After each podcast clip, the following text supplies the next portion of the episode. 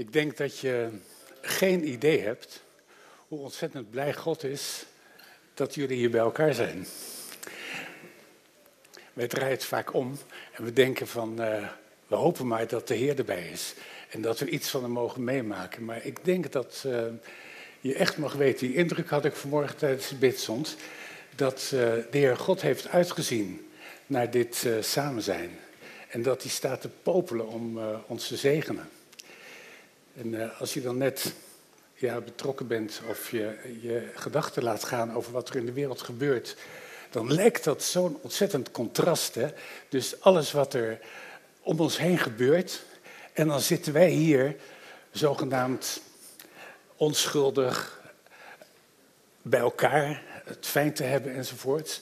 En dan denk je, wat, wat is de betekenis daarvan? Nou, ik denk dat het in Gods perspectief, dat het strategisch is dat wij hier zijn. En dat hij ernaar verlangd heeft dat uh, jullie hier vanmorgen zouden zijn. Omdat hij um, veel, veel, veel meer waarde hecht aan onze betrokkenheid bij hem, onze openheid voor hem.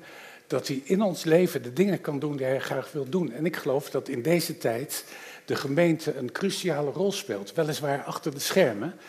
Dus dat is heel lastig dat we het uh, niet in de gaten hebben. Maar alleen al het bidden voor deze wereld. Ik weet niet hoe het vergaan is de afgelopen weken, maar ik, uh, ik heb heel wat gebeden voor de situatie in Afghanistan en voor de natuurrampen die plaatsvinden. En dan realiseer je, Heer, kom terug. Maar wilt u ook ondertussen uw koninkrijk laten doorbreken? Dat is wat God op zijn hart heeft. En ik denk dat uh, de Heer Jezus dus elke dag voor ieder van ons bij de Vader aan het pleiten is. Besef je dat? Dat hij voor ieder van ons aan het pleiten is. En dat hij zegt, uh, Vader, die en die, zegen, zegen, zegen.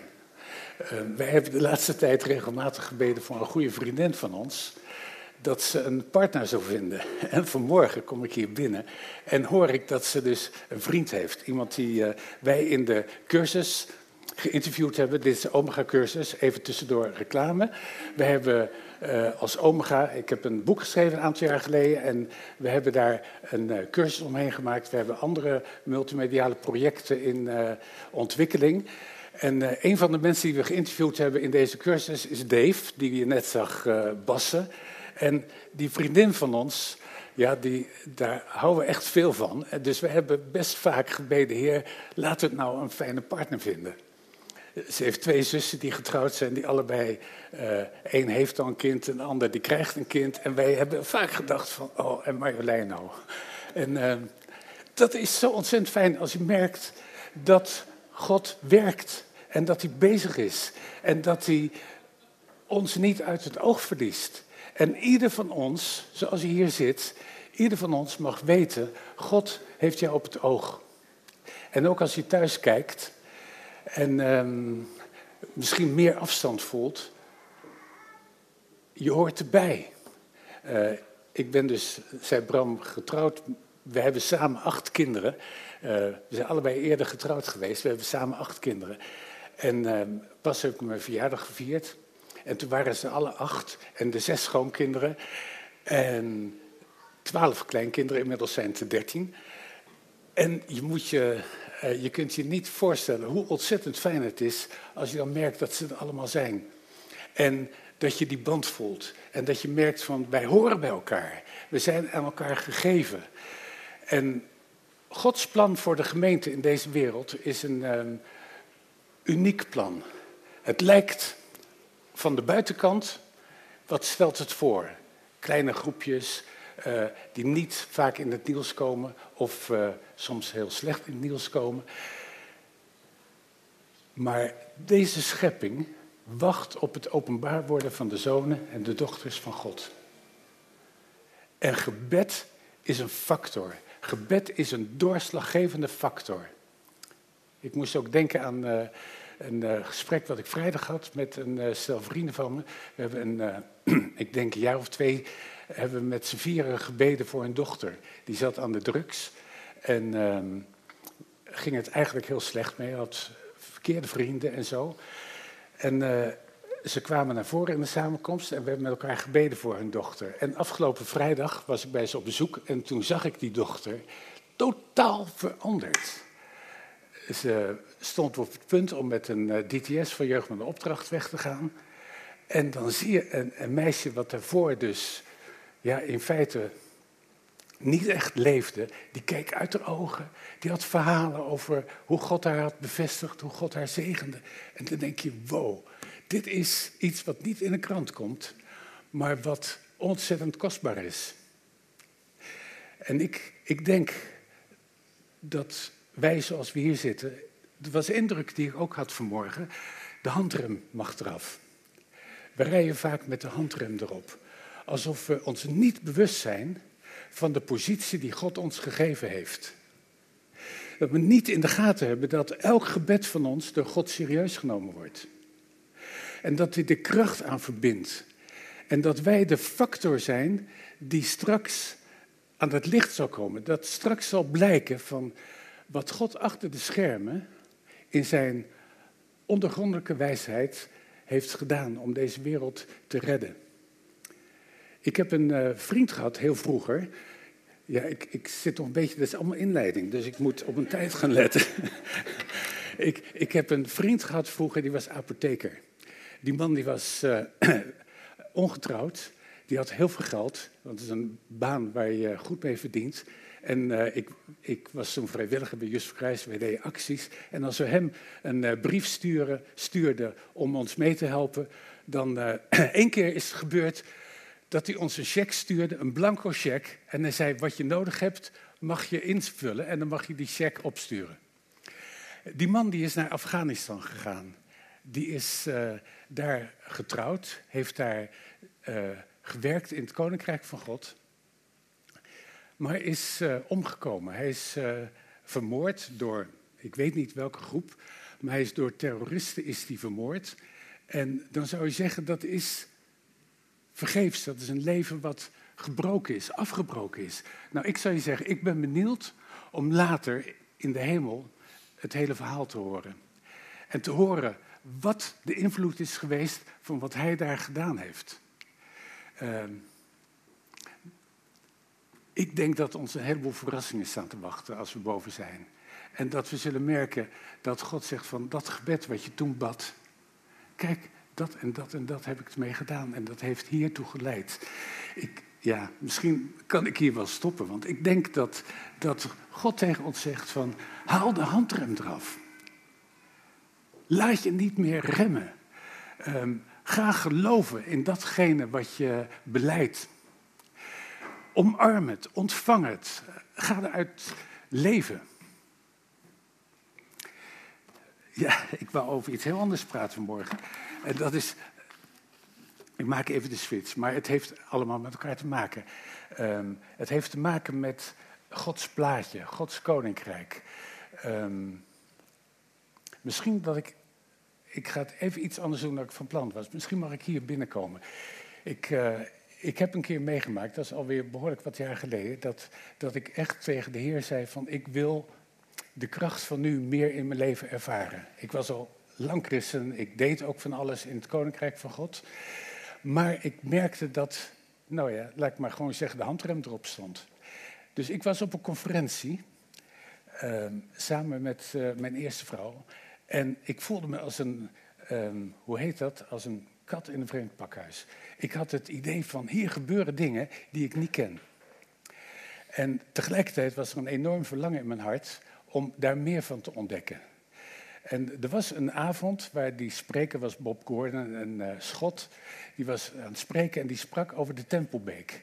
En um, je kent het verhaal misschien wel uit Ezekiel 47, waarin de Ezekiel wordt gevraagd om steeds een stukje dieper in die beek te gaan. Tot het punt dat hij niet meer, geen vaste grond meer onder de voeten heeft. en uh, ik wist van, dit moet ik doen. Ik vind het eng, ik vind het spannend, maar dit is nodig. Dus dat heb ik gedaan. En uh, er werd toen voor me gebeden. Bob Gordon die, die bad voor me en die had een, uh, een uh, beeld. En hij zei van, ik zie, je, ik zie je staan met een paar kaarten in je handen, een paar landkaarten. Maar ik wil je een nieuwe kaart geven, zegt God. En op hetzelfde moment wist ik, die kaarten die ik in mijn handen had, dat waren de kaarten uh, rationalisme en wetticisme. Ik wist, dat zijn als het ware de, de kaders waarin ik mijn leven probeer te, te leiden, waarin ik het probeer in te vullen. Rationalisme, het allemaal met je verstand proberen te pakken en te regelen en uit te stippelen. En mijn Calvinisme, je best doen voor God. En uh, die nieuwe kaart, daarvan had ik het idee van, uh, ja, die, daar snap ik helemaal niks van. Ik snap er echt niks van. Hoe, hoe, hoe lopen die wegen, uh, de taal?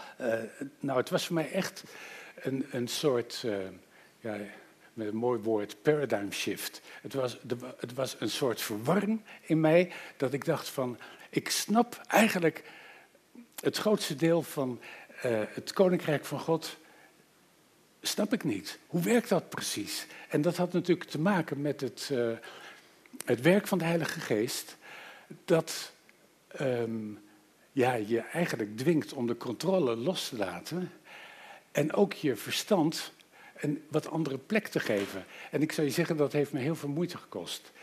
En um, dat is een lange weg geweest. En de eerste keren dat ik uh, um, in samenkomsten was waar het spreken van God bijvoorbeeld centraal stond, had ik het idee van, nou, dit, ik ben al zoveel jaar christen, maar hier, dit kan ik niet. Dit werkt niet. Het is apart, hè? God, die, uh, ik heb zo vaak meegemaakt dat kleine kinderen dingen van God horen. En ik merkte gewoon, er zit bij mij een blokkade, er zit een soort filter tussen. En nou ja, laat ik zeggen, ik heb naar aanleiding daarvan heel erg nagedacht over dat nieuwe kader wat ik nodig had, dat nieuwe paradigma. Uh, daar is eigenlijk ook uh, dit boek uit voortgekomen. Um, en ik hoop dat we met Omega daar een heleboel ook van kunnen uitdelen. Maar dat nieuwe kader, dat had te maken voor een belangrijk deel met uh, een soort verschuiving, een soort transitie. Iets waarbij allerlei dingen op een andere plek moesten komen. En um, de tekst waar ik het vanmorgen over wil hebben, is de tekst uit uh, Spreuken, uh, waar het gaat over dat verstand in relatie met wijsheid en met kennis. In die tekst staat, uh, dat is Spreuk 24, vers 3 en 4. In die tekst staat, door wijsheid wordt een huis gebouwd, door verstand wordt het bevestigd en door kennis worden de kamers gevuld met allerlei kostbaar bezit. Door wijsheid wordt een huis gebouwd. Door verstand wordt het bevestigd. En door kennis worden de kamers gevuld met kostbaar bezit. Ik wil iets vertellen over die samenhang. Hoe die drie begrippen met elkaar samenhangen. Want um, wijsheid heeft voor mij eigenlijk direct met openbaring te maken. Met datgene wat God zegt. Uh, misschien even uh, nog een stukje terug. Uh, ik heb zelf ooit een huis mogen bouwen.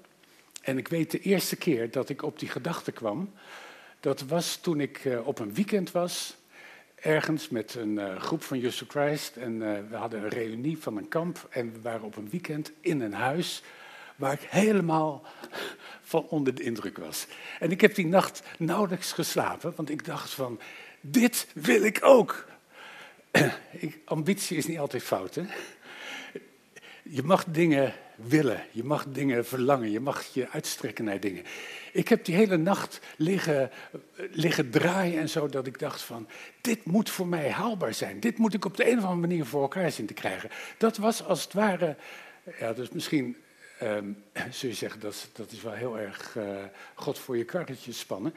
Maar ik ervoer dat als een openbaring. En een paar jaar later, ik was nog uh, uh, behoorlijk jong. iets van, toen ik die droom kreeg, ik denk dat ik 26 was. En toen ja, dat was financieel was eigenlijk onhaalbaar. Ik werkte bij een club die van giften moest bestaan en, enzovoort. Dus eigenlijk normaal gesproken had het nooit gekund. En toch heeft de Heer het mogelijk gemaakt dat ik een huis kon bouwen. Mijn droom kon verwezenlijken. En uh, ik wilde vroeger ook altijd graag architect worden. Totdat ik de sociale wetenschappen ontdekte. En ik dacht van, ah, dat is eigenlijk veel... Uh, gaat veel verder. Maar goed, even terzijde. Maar het bouwen van een huis is een, een fascinerend iets. Dat is veel meer dan een hoop stenen en een hoop planken enzovoort. En maak er maar wat van. Nou, zoals je voor een huis een ontwerp nodig hebt, zo heb je dat voor je leven. Een huis is een heel mooie metafoor voor ons leven. Ons levenshuis. En ons levenshuis is niet een soort samenraapsel van allerlei toevalligheden, omstandigheden en, en noem maar op. Maar God heeft daar een plan voor. God heeft een bestemming voor ieder van ons. Die heeft ons met zorg gemaakt. Die wil heel graag dat je op je plek komt. Die wil heel graag dat er uitkomt wat erin zit. En ik vind het bijzondere dat je mag weten dat God die dromen over jou wil, ehm, tot leven wil brengen. Je mag dromen. Het is goed om je verlangens um,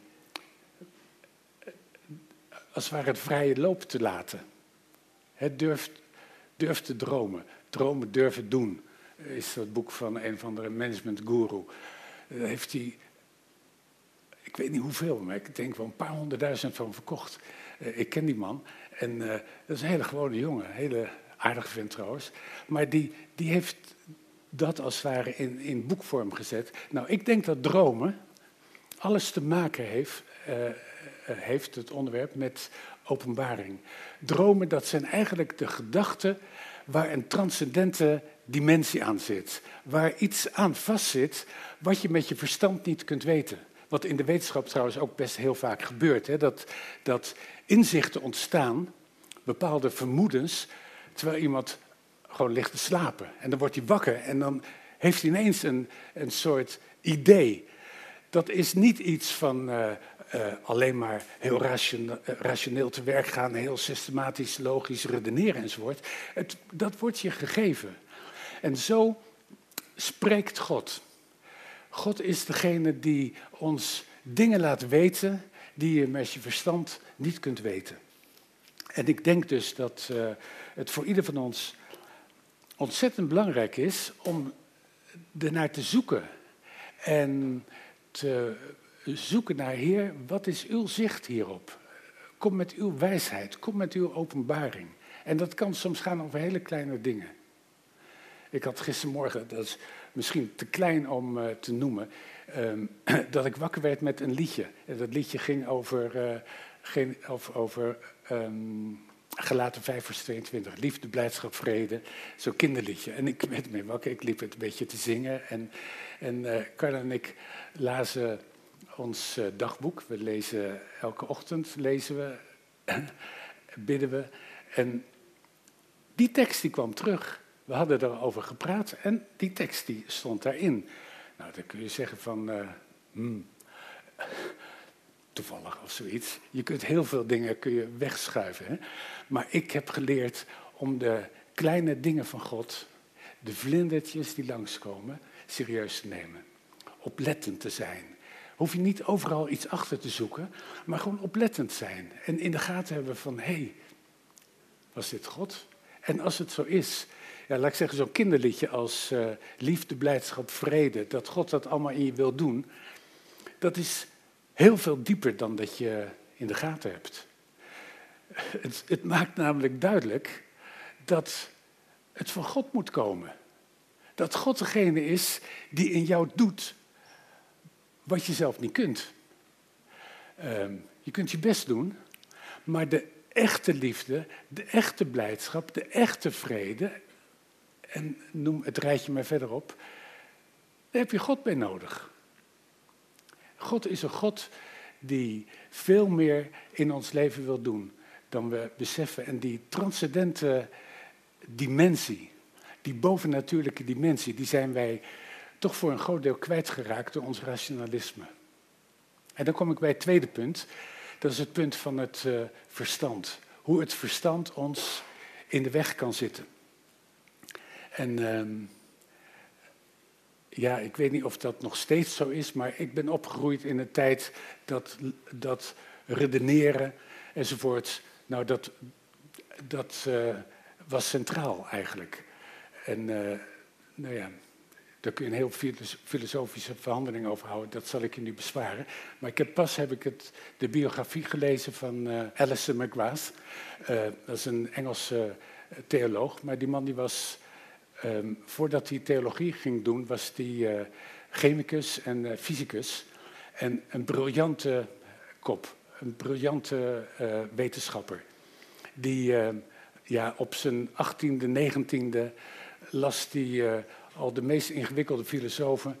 En uh, was hij mee bezig. En hij was in zijn jonge jaren was hij marxist en atheïst. Heel overtuigd. En hij dacht dat hij het allemaal op een rijtje had. En uh, dan is het heel interessant om te zien in zijn biografie hoe die stap voor stap, een beetje een analogie van Lewis, dat hij stap voor stap ontdekt dat de wetenschap niet die antwoorden kan geven die die nodig heeft. De antwoorden op de vraag naar waarom ben ik er? De wetenschap kan een heleboel dingen als het ware analyseren en, en um, beschrijven en verklaren. Maar de grote vragen van waarom is er iets? Sowieso. Waarom is er iets?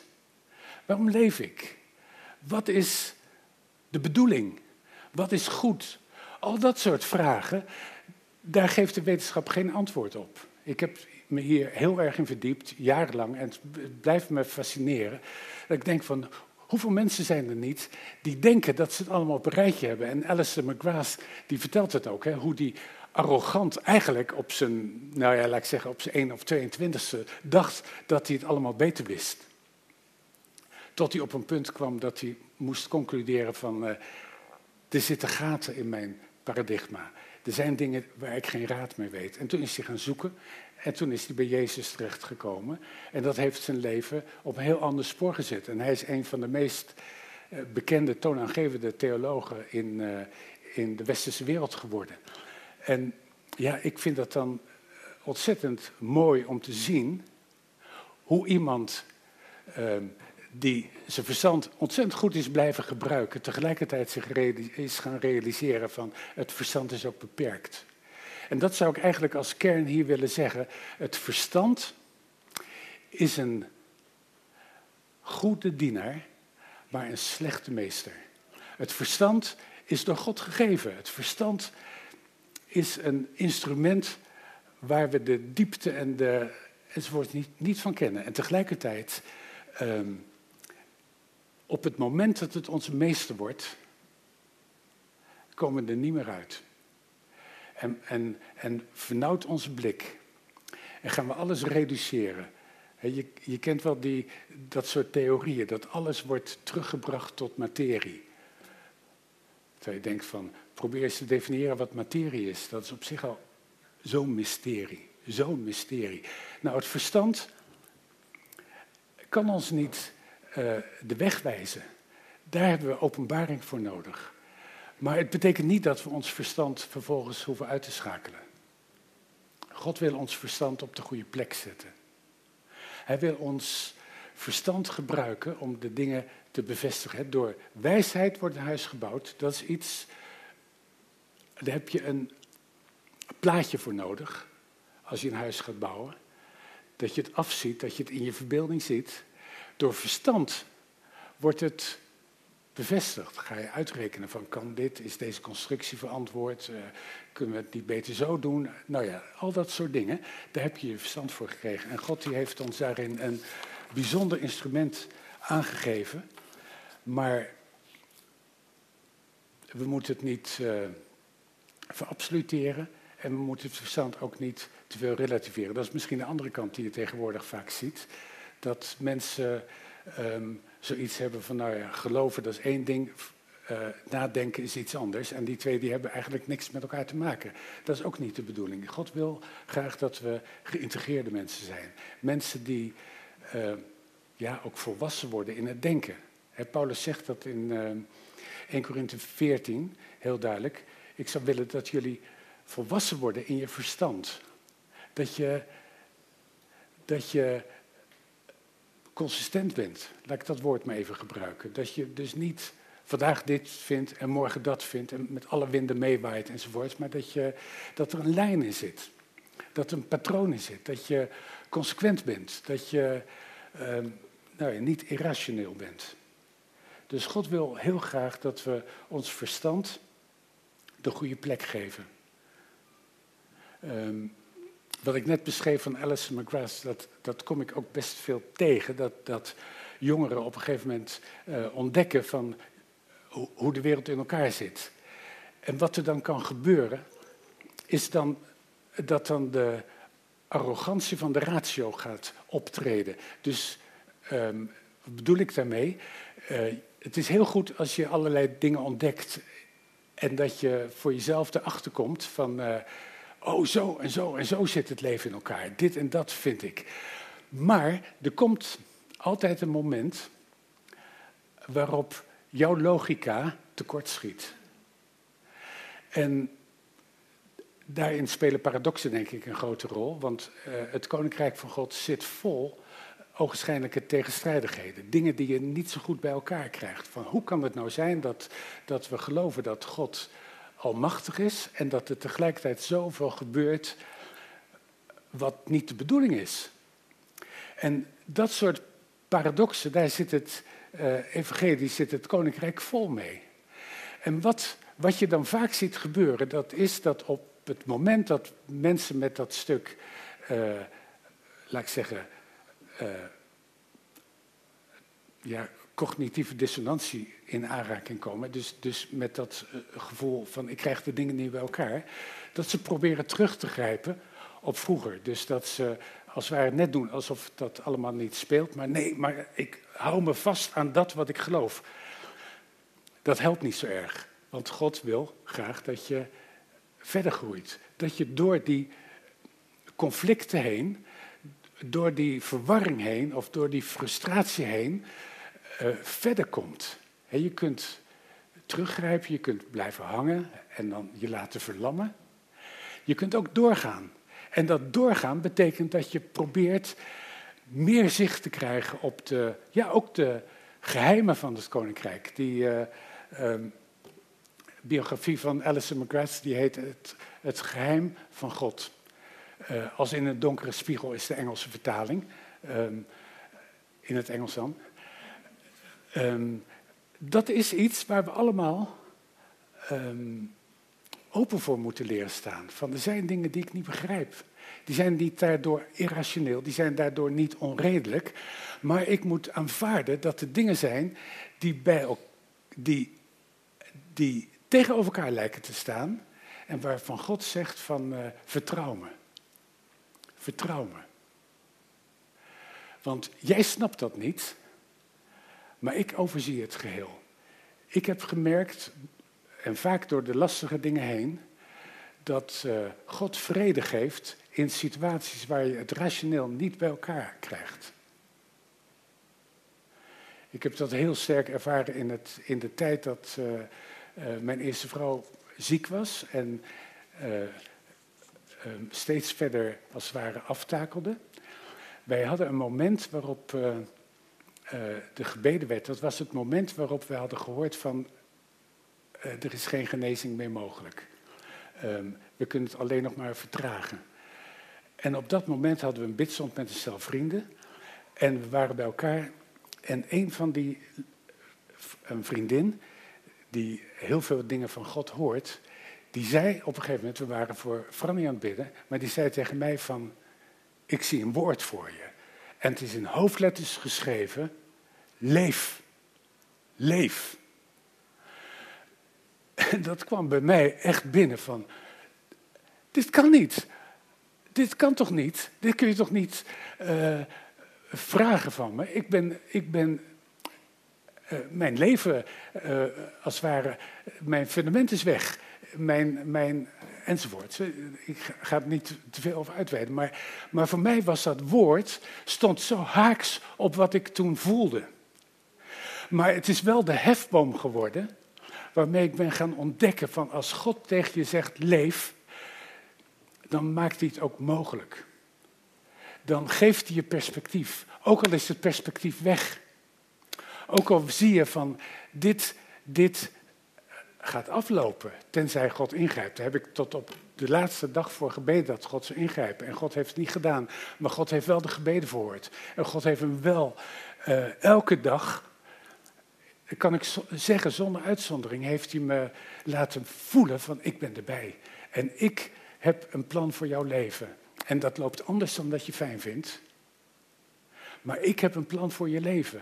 En God heeft op zo'n bovennatuurlijke manier ehm, zijn goedheid laten merken. In die hele fase en ook daarna.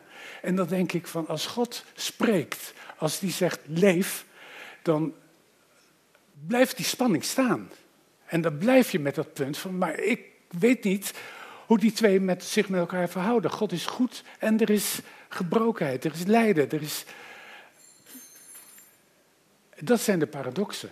En zo kan ik er tig noemen. In deze cursus uh, doen we er zeven. En uh, dat zijn, uh, dat zijn dat is een greep. Ik heb ergens achter in mijn boek heb ik een hele lijst gemaakt van paradoxen. Uh, ik hoop niet dat je me kwalijk neemt dat ik er een beetje over voortborduur, maar uh, verstand, geloof is natuurlijk ook zo'n paradox. Dus er zijn, ik heb een lijst met, ik geloof, honderd zoveel paradoxen en ik kan er nog twee keer zoveel bedenken. Maakt niet uit.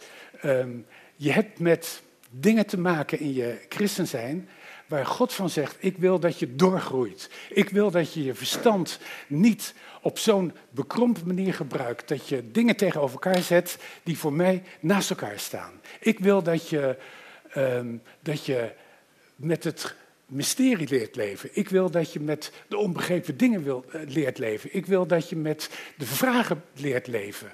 Ik wil dat je niet afhaakt op het moment dat het voor jou een beetje onlogisch lijkt. Ik heb een keer gepraat met een man die had vijf vellen volgeschreven met allemaal tegenstrijdigheden volgens hem uit, uit de Bijbel. En ik had echt zoiets van, ja, dit is onbegonnen werk. Je kunt dus je, je aandacht helemaal fixeren op al die dingen die jij niet snapt. En dan haak je af. God wil ons leren om ons verstand op zo'n manier te gebruiken dat we openstaan voor de, de spanning die in het koninkrijk bestaat. En tenslotte, en daar stop ik mee, want anders is mijn tijd, uh, ga ik over de tijd heen. Maar het laatste is, door kennis worden de kamers gevuld met allerlei kostbaar bezit. Kennis is iets anders dan googelen. Eventjes, oh, uh, Carla die heeft die neiging. Als er ergens een vraag, als er ergens een vraag langskomt, dit is compliment hoor. Als er ergens een vraag is, gelijk op Google en ze, ze spreekt die vraag in dan. Meestal gaat het over een recept of over, over iets alledaags. Uh, wat trouwens ook heel belangrijk kan zijn, want het geestelijke staat niet tegenover het alledaagse. Dat is een andere paradox. Maar kennis is meer dan wat je van Google haalt. Kennis is meer dan het aantal boeken wat je in je boekenkast hebt. Kennis is meer dan allerlei nieuwe dingetjes uh, weten. De informatiestroom zo serieus nemen dat je alles probeert vast te houden. Kennis heeft te maken met dat wat je je echt hebt toegeëigend. En daar zit een prijskaartje aan. Er zit een prijskaartje aan alles wat je leert in je leven wat de moeite waard is. Ja? Je kunt je huis vullen met allemaal spullen van de Action of van Ikea, of van, nou ja, Ikea dat, dat kan nog. Maar, maar er zijn heel veel dingen waar je je huis eigenlijk niet mee wil vullen. Toch?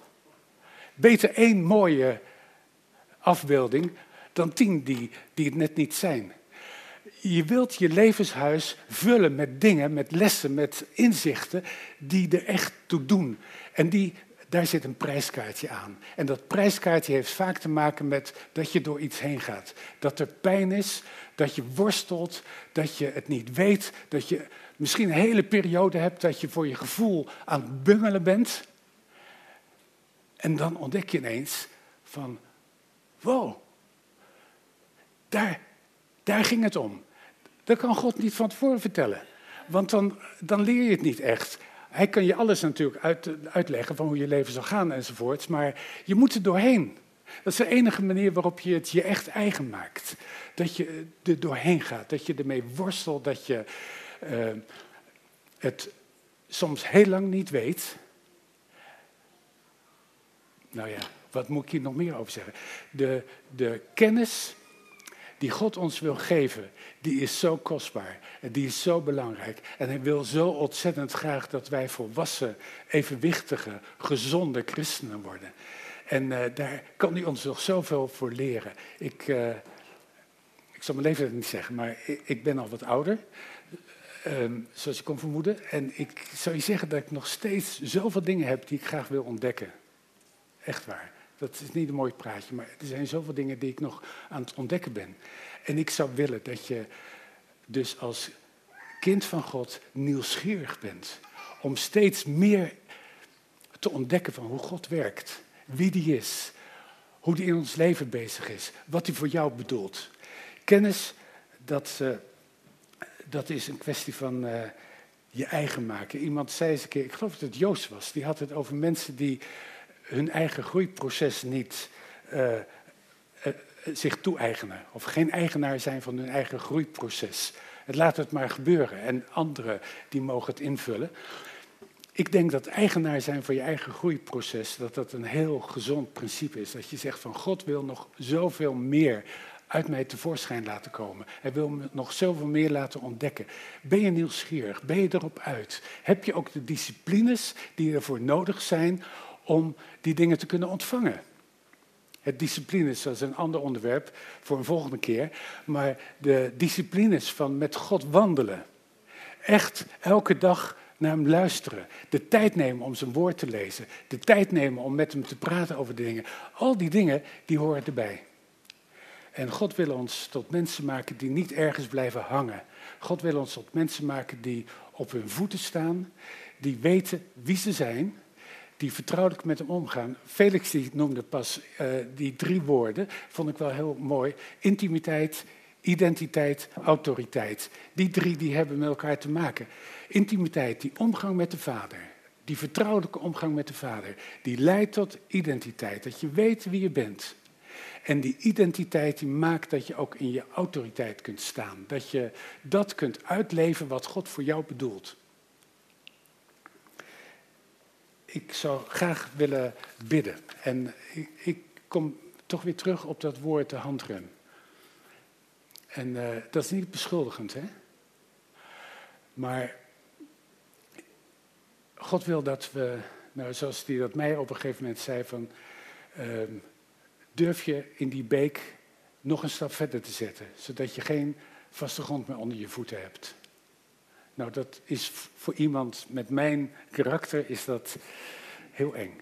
En tegelijkertijd mijn dromen, die maken dat ik niks liever wil. Nou, ik zou je graag willen zegenen om nog veel meer van de dynamiek van het Koninkrijk van God in je leven toe te laten. En te gaan ervaren dat God jou veel, veel meer in jou ziet dan dat je in jezelf ziet. Heer, dank u wel voor het feit dat we u mogen kennen. Heer, dank u wel dat we mogen weten dat u goed bent. Heer, dat u in zoveel opzichten, Heer, dat u um, ja, zo ontzettend veel meer met ons voor heeft. Ons veel meer wil zegenen dan dat we in de gaten hebben. Heer, en soms ziet dat er anders uit dan dat we leuk vinden. Heer, is die uh, zegen van u als het ware vermomd. En herkennen we hem niet als zodanig. Maar ik zou willen bidden, Heer, dat u ieder van ons een open hart geeft om u echt te laten stromen door ons leven. Ik bid u, Vader, dat u uh, onze angst wegneemt. Onze behoefte aan controle. Onze behoefte om het allemaal op een rijtje te hebben en te begrijpen. Ik bid u, Vader, dat u ons leert om nog veel meer in de dynamiek van uw geest te staan. En ik wil je zegenen. Als jij je herkent in dat beeld van, ja, ik heb toch wel vaak de handrem erop. Ik laat me de angst leiden. En ik uh, durf niet in volle vaart vooruit. Dan wil ik je in de naam van Jezus vrijspreken van de angst die daaronder zit. En misschien heb je al hele negatieve ervaringen gehad als je uh, dingen wel durfde. En laat je je daardoor weerhouden. Is dat iets waardoor er heel veel weerstand is? Maar ik zou je willen zegenen met een nieuw vertrouwen. Ik zou je willen zegenen met nieuwe onbevangenheid. Ja, zelfs met een nieuwe naïviteit. Zodat je God op zijn woord durft nemen. Zodat je durft uitstappen. Zodat je in zijn ruimte komt. Zodat je zijn vrijheid ervaart. Ik zegen je in de naam van Jezus. En ik wil alles wat je tegenhoudt, wil ik als het ware als leugens ontmaskeren en brengen bij het kruis. Brengen bij Jezus. En zeggen van, Heer, neemt u het weg. Laat het niet langer een rol spelen. Het kan ook zijn dat je thuis zit en dat je denkt van, uh, ja, dit, dit raakt mij misschien maar heel indirect. Ik wil je ook thuis aansporen om veel van God te verwachten. Ik wil je aansporen om uh, opnieuw stappen te zetten in geloof. Om een weg te gaan die je niet overziet, maar waarvan je mag weten dat God garant staat voor de goede afloop. Ook al ziet hij er anders uit dan je denkt. Heer, ik dank u dat u betrouwbaar bent. Dat u God bent. Dat u eeuwig bent. Dat u ongelooflijk veel meer van ons houdt dan we ons kunnen voorstellen. Rek ons op, Heer. Rek ons op om meer van u te verwachten in de naam van Jezus. Amen.